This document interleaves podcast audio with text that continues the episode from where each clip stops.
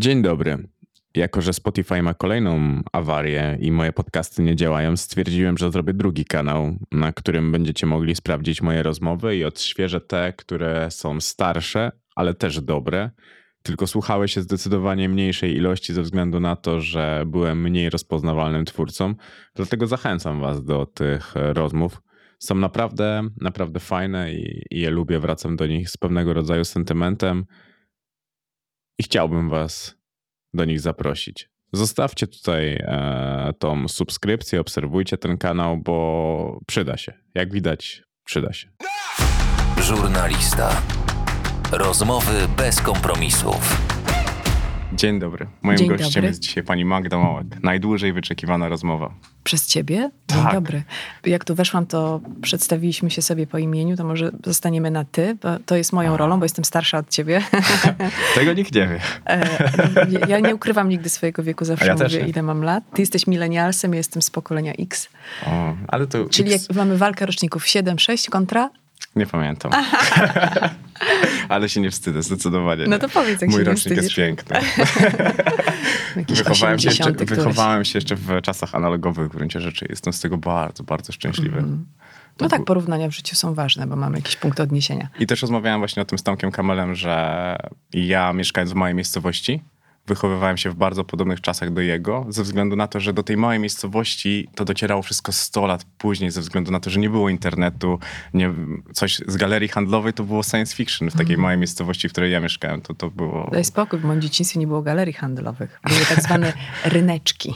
A, właśnie i chciałem zacząć od e, tego dzieciństwa, które już było tak dawno temu. Już nikt go nie pamięta, łącznie z to- właścicielką. Tak, zostało zatarte w historii Polski. E, I chciałem zapytać, jakie, e, jakie twoje było dzieciństwo, a jakie dajesz swoim dzieciom? Czy widzisz podobieństwa w tych dzieciństwach? Chciałam się odnieść do tej historii polskiej. Mam nadzieję, że historia Polski głęboko w to wie, że spokojnie się bez mojego dzieciństwa obejdzie.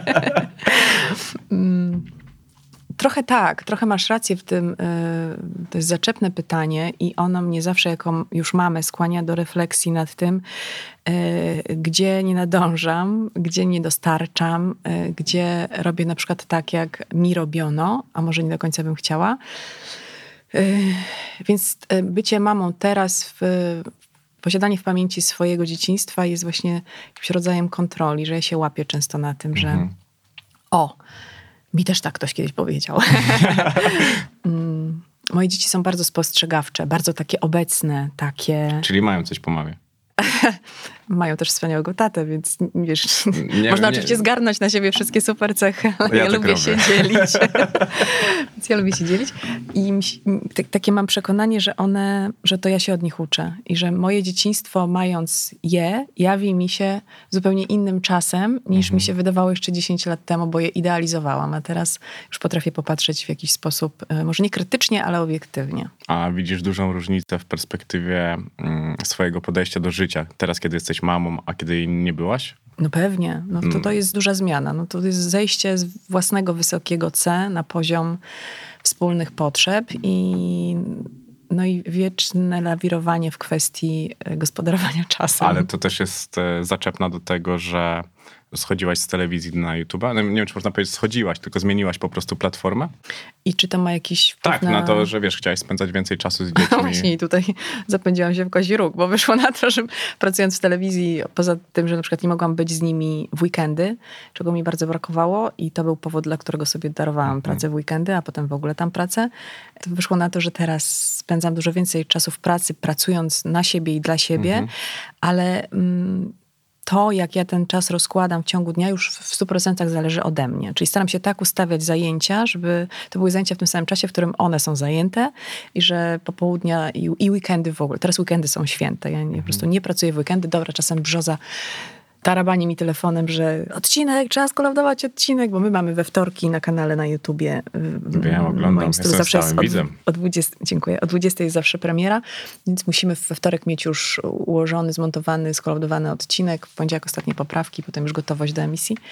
Więc czasem, czasem mam tę świadomość, że ta niedziela, gdzieś tam godzinę muszę wyjąć, żebym mogła. No bo chyba nawet w jednym z wywiadów mówiłaś, że pracujesz od poniedziałku do piątku i od soboty do niedzieli. to tak utkwiło i powiedzieć. Ale Bardzo teraz- ładnie sformułować. Czyli po prostu niestety. Ale, ale nie, teraz już naprawdę staram się i to można zrobić. Oczywiście koszt jest duży. Teraz jest, taki moment, że śmieję się, że bardzo bym chciała wyjechać na e, więcej niż tygodniowe wakacje i żeby to zrobić, No trzeba... jest wakacje to nuda, ja tego nigdy nie potrafię zrozumieć. Dlaczego? Ja nigdy nie byłem na Nie wakacjach. potrafisz odpoczywać? Tak. A może nie musisz odpoczywać? A no właśnie, to lepsze Że masz wspaniałe życie i nie masz tam- potrzeby odpiąć wrotek. No, nie, nie. No, właśnie nigdy nie byłem na wakacjach i nigdy nie potrafiłem zrozumieć fenomenu wiem, leżakowania przy basenie i opalania się. Oj, tam nie znasz życia, naprawdę. Wiesz, w moim to wieku pokolenie. Te kości potrzebują się dłużej wygrzewać. witamina D, wiesz, nie ma to jak witamina D bezpośrednio z góry, nie tam z jakichś kropelek. wspomnisz, wspomnisz moje słowa, jak będziesz miał tak, moje lata. Mm, Okej, czyli za rok. A, Na pewno. A była taka rozmowa na twoim kanale, wracając do niego, która cię zawiodła? Której, od której oczekiwałeś dużo więcej? Tak. I zawiodła mnie, ale nie pod kątem merytorycznym, a technicznym technologicznym, A, bo to była to widziałem. pierwsza rozmowa z Jasią Kuli, której sobie nigdy nie daruję, ponieważ tam było po prostu 50 minut takiego wspaniałego materiału, a ponieważ nagrywałyśmy w tych covidowych, lockdownowych technologiach typu Zoom czy coś tam i to w ogóle nie zadziałało, więc zostało 15 minut czegoś, co się nadawało do emisji, co nie było oczywiście złe, ale, ale no, no nie było takie, jak chciałam, żeby było, więc to jest ta jedyna rzecz, która mnie... e, Wiesz co? A, to spodziewałem się, że ktoś nie jednak mam- cię zawiódł. Już dawno wyłączyłam sobie ten przycisk zawód, dlatego że nau- Zawód jednak jeszcze jakiś uprawiasz. ktoś mi ostatnio zwrócił uwagę, no najpierw mówisz youtuberką, potem dziennikarką. Się śmieję, no trochę tak, bo żeby być youtuberką, bycie dziennikarką, No ale to jest przedłużenie to trochę jest twojej mój- roboty. ja to mam w genach. Natomiast youtuber to jest jednak dla mnie dzisiaj, czy youtuberka, czyli ja, to jest jednak dla mnie większa rola. Tak to podpiszę. Magda Mołek, youtuberka. youtuberka z dużą rolą. youtuberka w roli głównej, czy coś tak. I w moim To stylu. była taka Natsu. Zabrała udział w roli głównej. E, ale poczekaj, bo chciałam o czymś innym i znowu wyszło, że o robocie. Zawód. Ten zawód, chodzi mi tutaj o to, że, że rozczarowania biorą się z oczekiwań. Nauczyłam się nie mieć oczekiwań. I ja nie stawiam sobie tezy, że ja w tej rozmowie czy w tym spotkaniu coś wyciągnę. Ja po prostu tego nie wiem. Idę z tak zwaną czystą kartką i patrzę, co się wydarzy. I daję się prowadzić mojemu... Jestem przygotowana, bo ja po prostu jestem ze starej szkoły. Ja mam przygo... Ty się też przygotowałeś do rozmowy ze mną. Jestem przygotowana... Jestem samobójcą.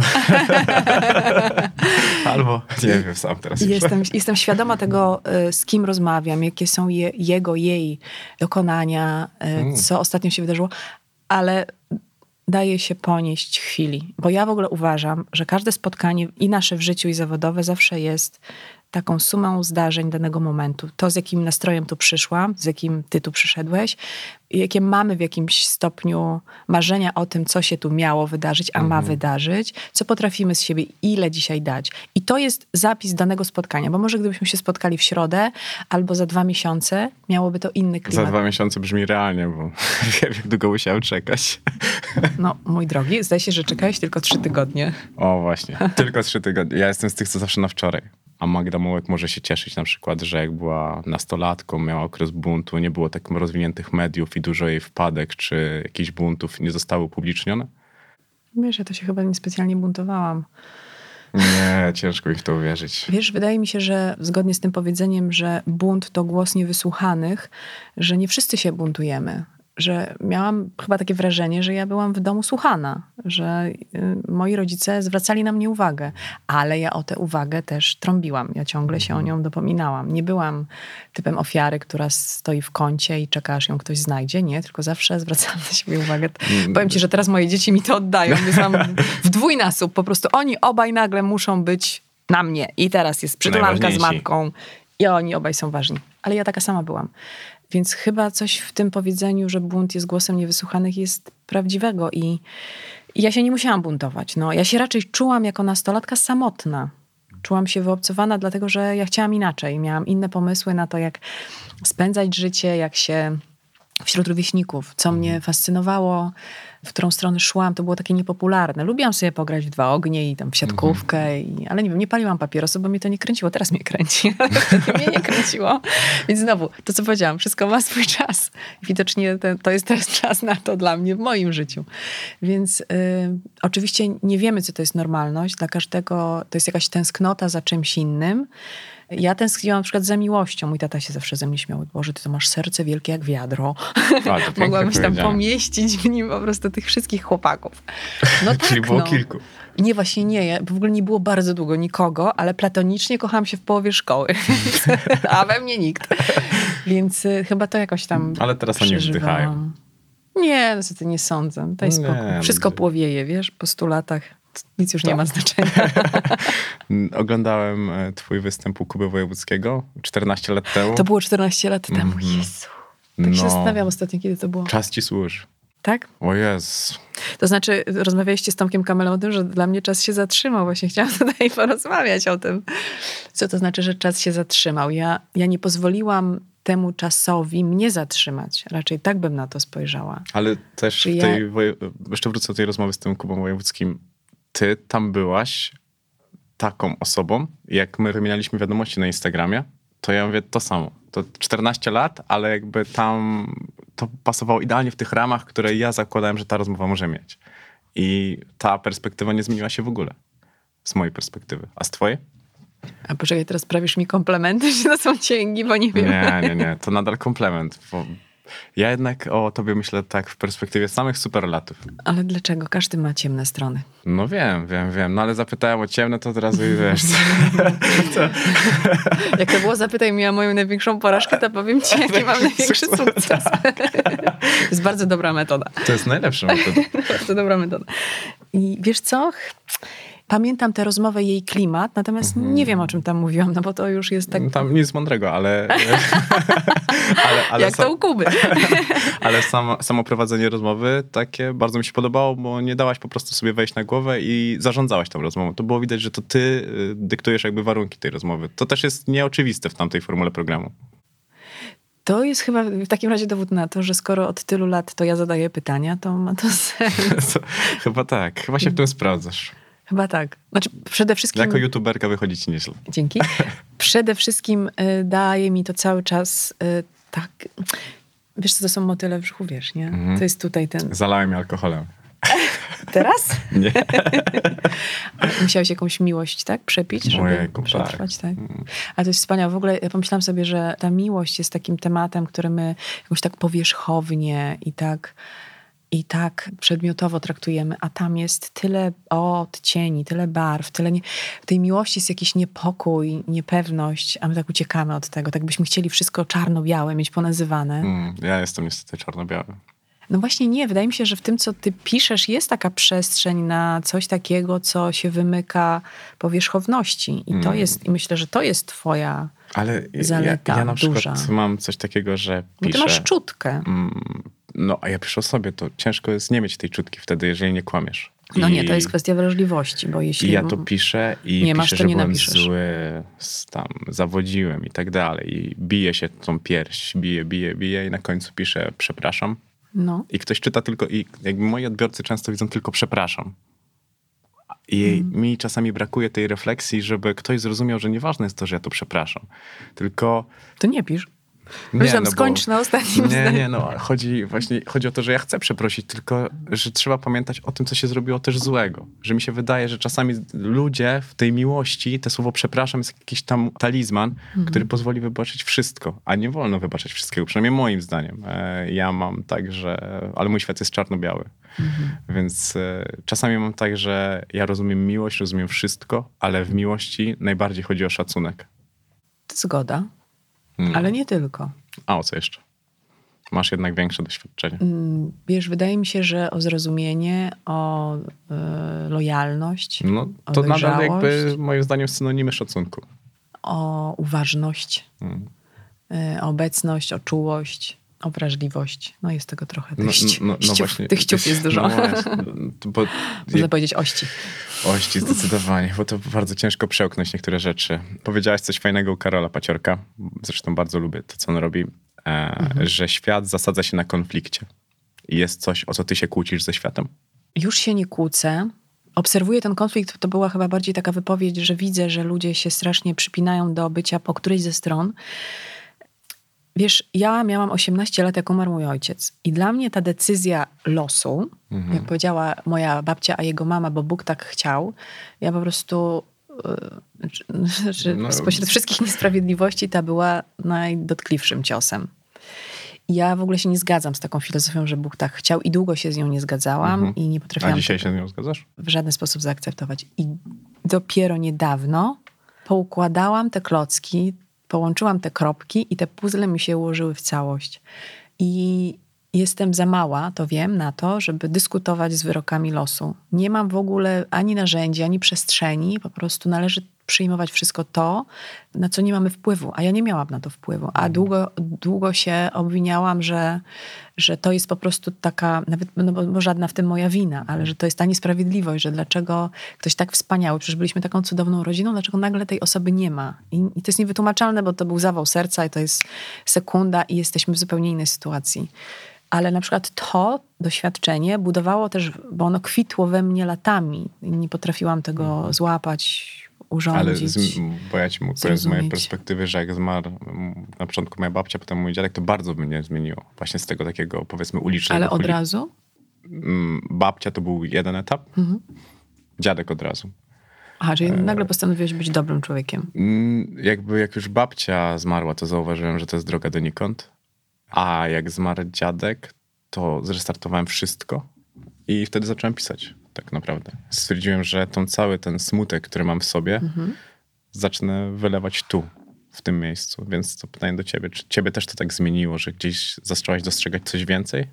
Ja na przykład, wprawdzie później, ale zrozumiałam, że gdyby to się nie wydarzyło, ja byłabym kompletnie gdzie indziej. No, Czyli ja gdyby mój tata żył, a mieliśmy wobec mojej przyszłości plany, bo ja, tak jak ci powiedziałam, wciskałam rodziców, halo, jestem, teraz z- o mnie rozmawia. Ja mam dwóch braci, więc wiesz, musiałam się przebić. Musiałaś być silna. musiałam być e, głośna. więc się To też próbowałam. już siła, wiesz? W W, jak, w dzisiejszych jakimś czasach stopniu na pewno. kto głośniej krzyczy, ten wygrywa. Ale wiesz, to było 20, 30 lat temu, więc wtedy nie Dawno. obowiązywały takie Dawno, standardy. dawno. Warto przypomnieć, że to było dawno. Ale tak, ale się boksowałam o zauważenie i, i ja zrozumiałam, że gdyby mój tata żył, spełniłyby się jego marzenia o moim życiu. Bo Takim ja sobie zdałam sprawę z tego, że ja nie chciałam być tym, kim wspólnie, tu duży cudzysłów, Mhm. chcieliśmy. Mój tata bardzo chciał, żebym była tłumaczką języka niemieckiego, przysięgłą tłumaczką języka niemieckiego. Boże, jak on uda. Guten Ponieważ ja pochodzę z Legnicy, tak, Guten Morgen, to mm, wiesz, bliskość e, granicy niemieckiej, to, to był rzut beretem. E, To był początek, ja szłam do liceum na początku lat 90., więc to wiesz, Polska stała się nagle wolnym krajem. Powstawało tyle, A tak. teraz tylko wolno idziemy do przodu. Teraz jesteśmy powolnym krajem. I wiesz, i wtedy to było takie y, awans społeczny, prawda? Mhm. Że tutaj nagle po prostu córka wykształcona, praca międzynarodowa i tak dalej. To były takie dziwne marzenia.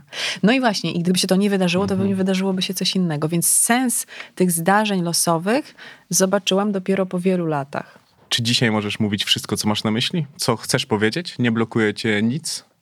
Wiesz, znowu to ma dwie strony, no bo ja oczywiście nie mam problemu z mówieniem prawdy, Mhm. natomiast Ale myślisz na przykład, czy czasami coś ci się opłaca powiedzieć? Nie.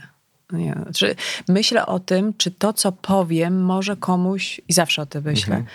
sprawić e, przykrość albo wyrządzić krzywdę. No, ale myślę, że ktoś może zawsze zinterpretować to tak, że ty zrobiłaś mu krzywdę. Tak, ale ponieważ wydaje mi się nadal, że bycie dziennikarzem to jest rodzaj ogromnej odpowiedzialności za słowo, mimo że świat zwariował i wszyscy gadają, co tam im się No właśnie do tego to jest moje kolejne pytanie. Czy podoba ci się ta nowa szkoła dziennikarska? To też jest No, bardzo to, jest szeroko. to nie jest nie szkoła. Znaczy, to, To to, nie jest szkoła. No. Czy wiesz, ja też, ja też nie skończyłam żadnych szkół dziennikarskich. Ja jestem e, samoukiem, ja jestem po politologii, a nie, wprawdzie to jest ten sam Wydział Uniwersytetu Warszawskiego, ale nie liznęłam dziennikarstwa w teorii ani, ani za grosz, no bo pracowałam już jako dziewiętnastolatka od początku w poważnej redakcji radiowej, więc uczyłam się na żywca. Operacja na otwartym sercu. Ale pacjent żyje. Pacjent żyje, operator daje sobie radę. Operatorka. Ale nie, nie mam tego wykształcenia. Natomiast jak, jak mnie pytasz, no chyba już Chyba już jest świat pytań i odpowiedzi, tylko pytanie, czy to są... Ja wczoraj nawet oglądałam w TVN24 debatę pod tytułem Dziennikarz czy zawód i jak to wygląda, dziennikarz debata. I byli tam wspaniali ludzie, którzy są jakby z mojego pokolenia, z mojego rozdania i których bardzo cenię, których pracę czytam, których nagrodami się cieszę. No i co z tego, że my, jest nas jeśli to zebrać do kupy, 25 osób w ten sam sposób myślimy, czyli mhm. że zawsze chcemy wysłuchać drugiej strony, że jesteśmy otwarci na zdanie przeciwne, że, że się na to nie zamykamy, że uważamy, że przekonywanie przekonanych jest bez sensu. Dziennikarstwo polega na tym, żeby to, co powiedział Janusz Fertner, zajrzeć pod dywan. Jeśli tam jest nagromadzone bałagan, to nie przykryć to z powrotem, tylko yy, otworzyć, powiedzieć, no dobra, to spróbujmy ten bałagan jakoś usystematyzować. I na tym to polega. I ja też tak uważam. No i bez względu na to, kto tych śmieci tam nawrzucał, czyje one są, trzeba po prostu stawić czoło prawdzie i znowu prawda wraca.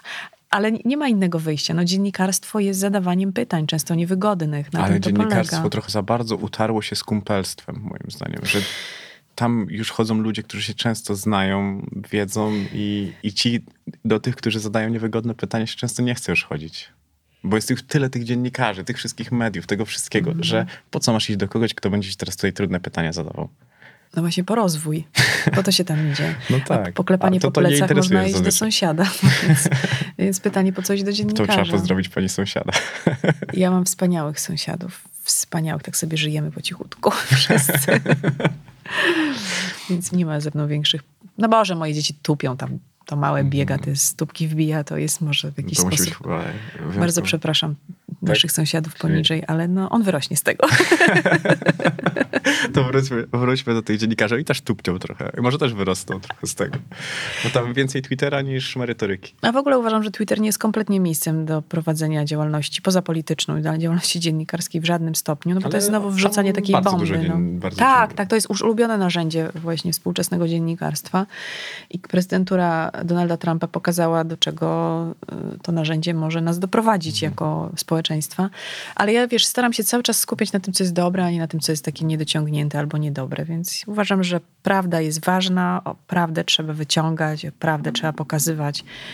Y, z tym, że jest pewien moment, gdzie tej gdzie ta prawda może zrobić komuś krzywdę. To jest to, co kiedyś profesor Bartoszewski właśnie bardzo pięknie ujmował, że czasem należało przemilczeć sprawę, nie mhm. skłamać, nie powiedzieć prawdy, po prostu przemilczeć temat, bo jeśli mowa o czasach wojennych, mhm. to to decydowało o czyimś życiu na przykład, prawda? Mhm. Więc wiesz, my nie stoimy w żadnych granicznych momentach, my nie mamy żadnego noża na gardle, my po prostu... Czyli uważasz, że teraz prawdę powinno się wyciągać? Zawsze należało ją wyciągać. Na tym polega istota dziennikarstwa, szukanie prawdy. To ty powiedziałeś, że prawda leży po środku w tym podcaście u kogoś. Tu jest zgoda, tylko tak często obu stronom jest daleko do tego środka, nikomu się tam nie chce dojść. A to jest wysiłek, żeby go w to włożyć, warto. Spotkanie z prawdą jest uwalniające. Mocno reklamujesz się jako feministka. Mnie słuchają prawie same kobiety, mhm. więc co byś powiedziała takiej młodej kobiecie dzisiaj? Wiadomo, że żadna rada nie jest uniwersalna, jednego się mhm. trzyma, drugiego nie. Ale co byś ty powiedziała takiej kobiecie, która wchodzi dzisiaj w ten okres nie wiem, 20-25 lat, co powinna robić, żeby czuć się, żeby żyło się jej lżej, mm -hmm. czy żeby mhm. była szczęśliwa po prostu w jakiejkolwiek formie szczęścia. Wiesz, mnie to się wydaje, bo ja mam teraz kontakt y, z młodymi ludźmi w tym podcaście z pokolenia na pokolenie i tam zaskakująco świeżo na życie patrzą dziewczyny z pokolenia Z, bo jeśli mają ci 20-20 parę lat, to to jest to mhm. najmłodsze pokolenie, które urodziło się już w ogóle w cyfrowym świecie i decyduje o swoim Moje życiu. Moje pokolenie się nazywa jednak ładniej niż Twoje Z. to millennials, tak, bardzo, bardzo ładnie. To z przełomu epok y, tysiącleci. Tak jak mój syn. Mamo, w którym roku się urodziłaś? W 1976. On, mamo, daj spokój, nie ma takiej daty. 2000, dalej się zaczynają daty. W ogóle nie ma takiego rocznika. Dzięki, synu. Yy, więc tak. Yy, natomiast, yy, natomiast te dziewczyny są już świadome. Widziałam ostatnie badania preferencji wyborczych. Mhm. Dwudziestolatkowie w Polsce są podzieleni tak, że kobiety 18-24 lata głosują na lewicę, a ich chłopcy, partnerzy, sympatie głosują na Konfederację. Te światy się nie spotkają. Jeśli patrzymy na polityczne, na polityczne uwarunkowania. Jeśli te młode dziewczyny wybierają lewicę i lewicowy głos, nie mówię o konkretnej partii, tylko o spojrzeniu, o, poglądzie. światopoglądzie, to ja im niczego nie muszę mówić. To, ja, to wszystko, co powiem, będzie brzmiało, wiesz, jak e, po prostu ciocia dobra rada, a jestem od tego daleka. Jedyne, co jest w życiu istotne, to jest y, zgoda na, na siebie i na bycie sobą i na patrzenie na, y, na, na swoje wnętrze i swój rozwój taki z intuicji, z serca. Ja go zawsze miałam i ja go bardzo długo zagłuszałam. I nie żałuję, bo jeśli mnie zapytasz, czy teraz żałuję, że nie, nie, Nie, nie nie posłuchałam tego wcześniej. Właśnie nie żałuję, bo przyszedł znowu na to dobry moment. Ale jeśli ktoś może usłyszeć jakąkolwiek radę, to chyba to będzie rada pod tytułem patrz sobie do środka. Świat na zewnątrz będzie szalał. Ale czasami jak patrzymy do środka, to tam ciężko jest odnaleźć coś takiego, co może dać nam jakiś, nie wiem, wskazówkę. Mi się wydaje, że tam czasami jest chaos, harmider i No, ale to jest różnorodność, to jest bogactwo. Właśnie ten chaos i harmider. Jak jest pusto, to nic próżnego, to i salmon nie naleje. Ale dobrze wiesz, bo jesteś tego idealnym przykładem, że idealnym wystarczy. jesteś idealnym żurnalistą, że doskonale wiesz, że tam jest z czego czerpać. I to jest bogactwo. Każdy je ma. To jest też moje doświadczenie dziennikarskie. Każdy ma historię do opowiedzenia. Trzeba tylko To- umieć Mhm. ją e, zobaczyć i jej wysłuchać. Ktoś powiedział coś takiego, że każdy człowiek ma historię na jedną książkę. I to gdzieś mniej więcej w tym się zapina. A ty bardzo długo szukałaś siebie? Czy wiedziałaś, że taka jesteś i tak w sumie to gdzieś tam szło? Znalazłam, zgubiłam siebie, wyparłam się samej siebie, bo chciałam mm, istnieć w realiach, czy w towarzystwie, czy, czy w społeczności, w której miałam być, ale zawsze wracałam. Jak wracałam, to miałam zawsze takie, Boże, żyję. Jestem. Jestem. To było takie moje doświadczenie, coś w stylu jak olśnienie, jak poczucie, że jestem autentyczna, taka osadzona, A robiłaś coś, do czego się kompletnie nie nadawałaś? Że tak czułaś, że to nie twój świat? No pewnie. To co? O Jezu, masz dużo czasu? to będę wymieniać.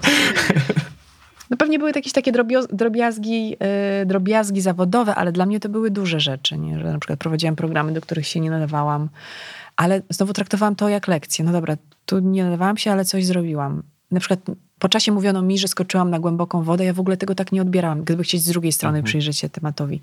Dopiero jak patrzyłam wstecz, to mówiłam, ej, faktycznie to było, nie wiem, odważne, to było jakieś wyzwanie, to było wbrew mnie. Bo jak byłam w danej sytuacji, nie byłam w stanie ocenić tego, czy to, co robię, jest zgodne z tą mną wtedy. Ale dopiero po czasie widziałam, że, że ja wręcz przeskakiwałam jakieś swoje A ograniczenia. Nie masz tak, że na przykład to wynikało z tego, że żyłaś w takim pędzie, że ciężko było dostrzec, że to jest skok na, głęb- na głęboką wodę? Nie, raczej to nie był pęd, no bo dzisiaj żyję szybciej niż, nie wiem, 20 lat temu, ale to była taka ciekawość, taka potrzeba zmiany, takie coś przychodziło i ja mówiłam wszyscy dookoła, ej, nie rób tego, zostaw to, bo to w ogóle to jest, wiesz, niebezpieczne, to cię utopia. Ja zaraz, chwileczkę, bach. I to było to. I to był właśnie ten moment olśnienia. Czuję, że żyję. I bardzo tego potrzebowałam. No, ale chciałem zapytać o tą jedną jeszcze rzecz, wracając do tego kanału na YouTubie, bo było, że gdzieś tam czytałem, że nie wykluczasz powrotu do telewizji i podtrzymujesz to. Wiesz, ja w ogóle sobie nie zakładam żadnych kagańców. Będzie super propozycja z wiesz, to- telewizji tej, tamtej czy owej. Ja się nad nią pochylę. Pytanie na Natomiast- śniadanie kogoś szukają, e, ale... A, to dziękuję. A widziałaś jeszcze szansę na rozwój w telewizji? Nie, już nie widzę. Właśnie, bo to było to, że ja uważam, że to wyjście było idealne w moment. Takie w stylu pani Mołek. Ono było przemyślane, było przygotowane, a moment y, w historii świata w ogóle po prostu, no bo wtedy zaczął się lockdown, świetnie usprawiedliwił jakiekolwiek inne wątpliwości, które mogłabym mieć. I nie było już żadnych. Intuicyjnie wiedziałam, że tam jest moje miejsce. Od lat się do tego psychicznie przygotowywałam i wiedziałam, dlaczego chcę to robić, i po prostu to zrobiłam. I w moim stylu jest naprawdę w moim stylu. To jest tak, jak ja chcę to robić. Natomiast ym, telewizja W Tele- czym jest atrakcyjniejsza od YouTube'a? No YouTube jest na żądanie w każdej chwili, kiedy chcesz.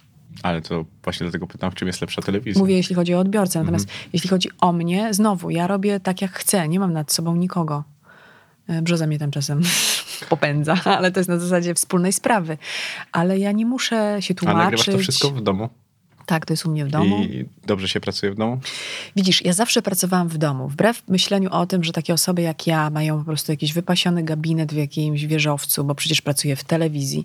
Ja odkąd pracuję w telewizji, zawsze miałam komputer w domu. To była moja praca. Ja nie mam, ja nie mam swojego biurka w porannym programie, w którym przepracowałam 15 lat.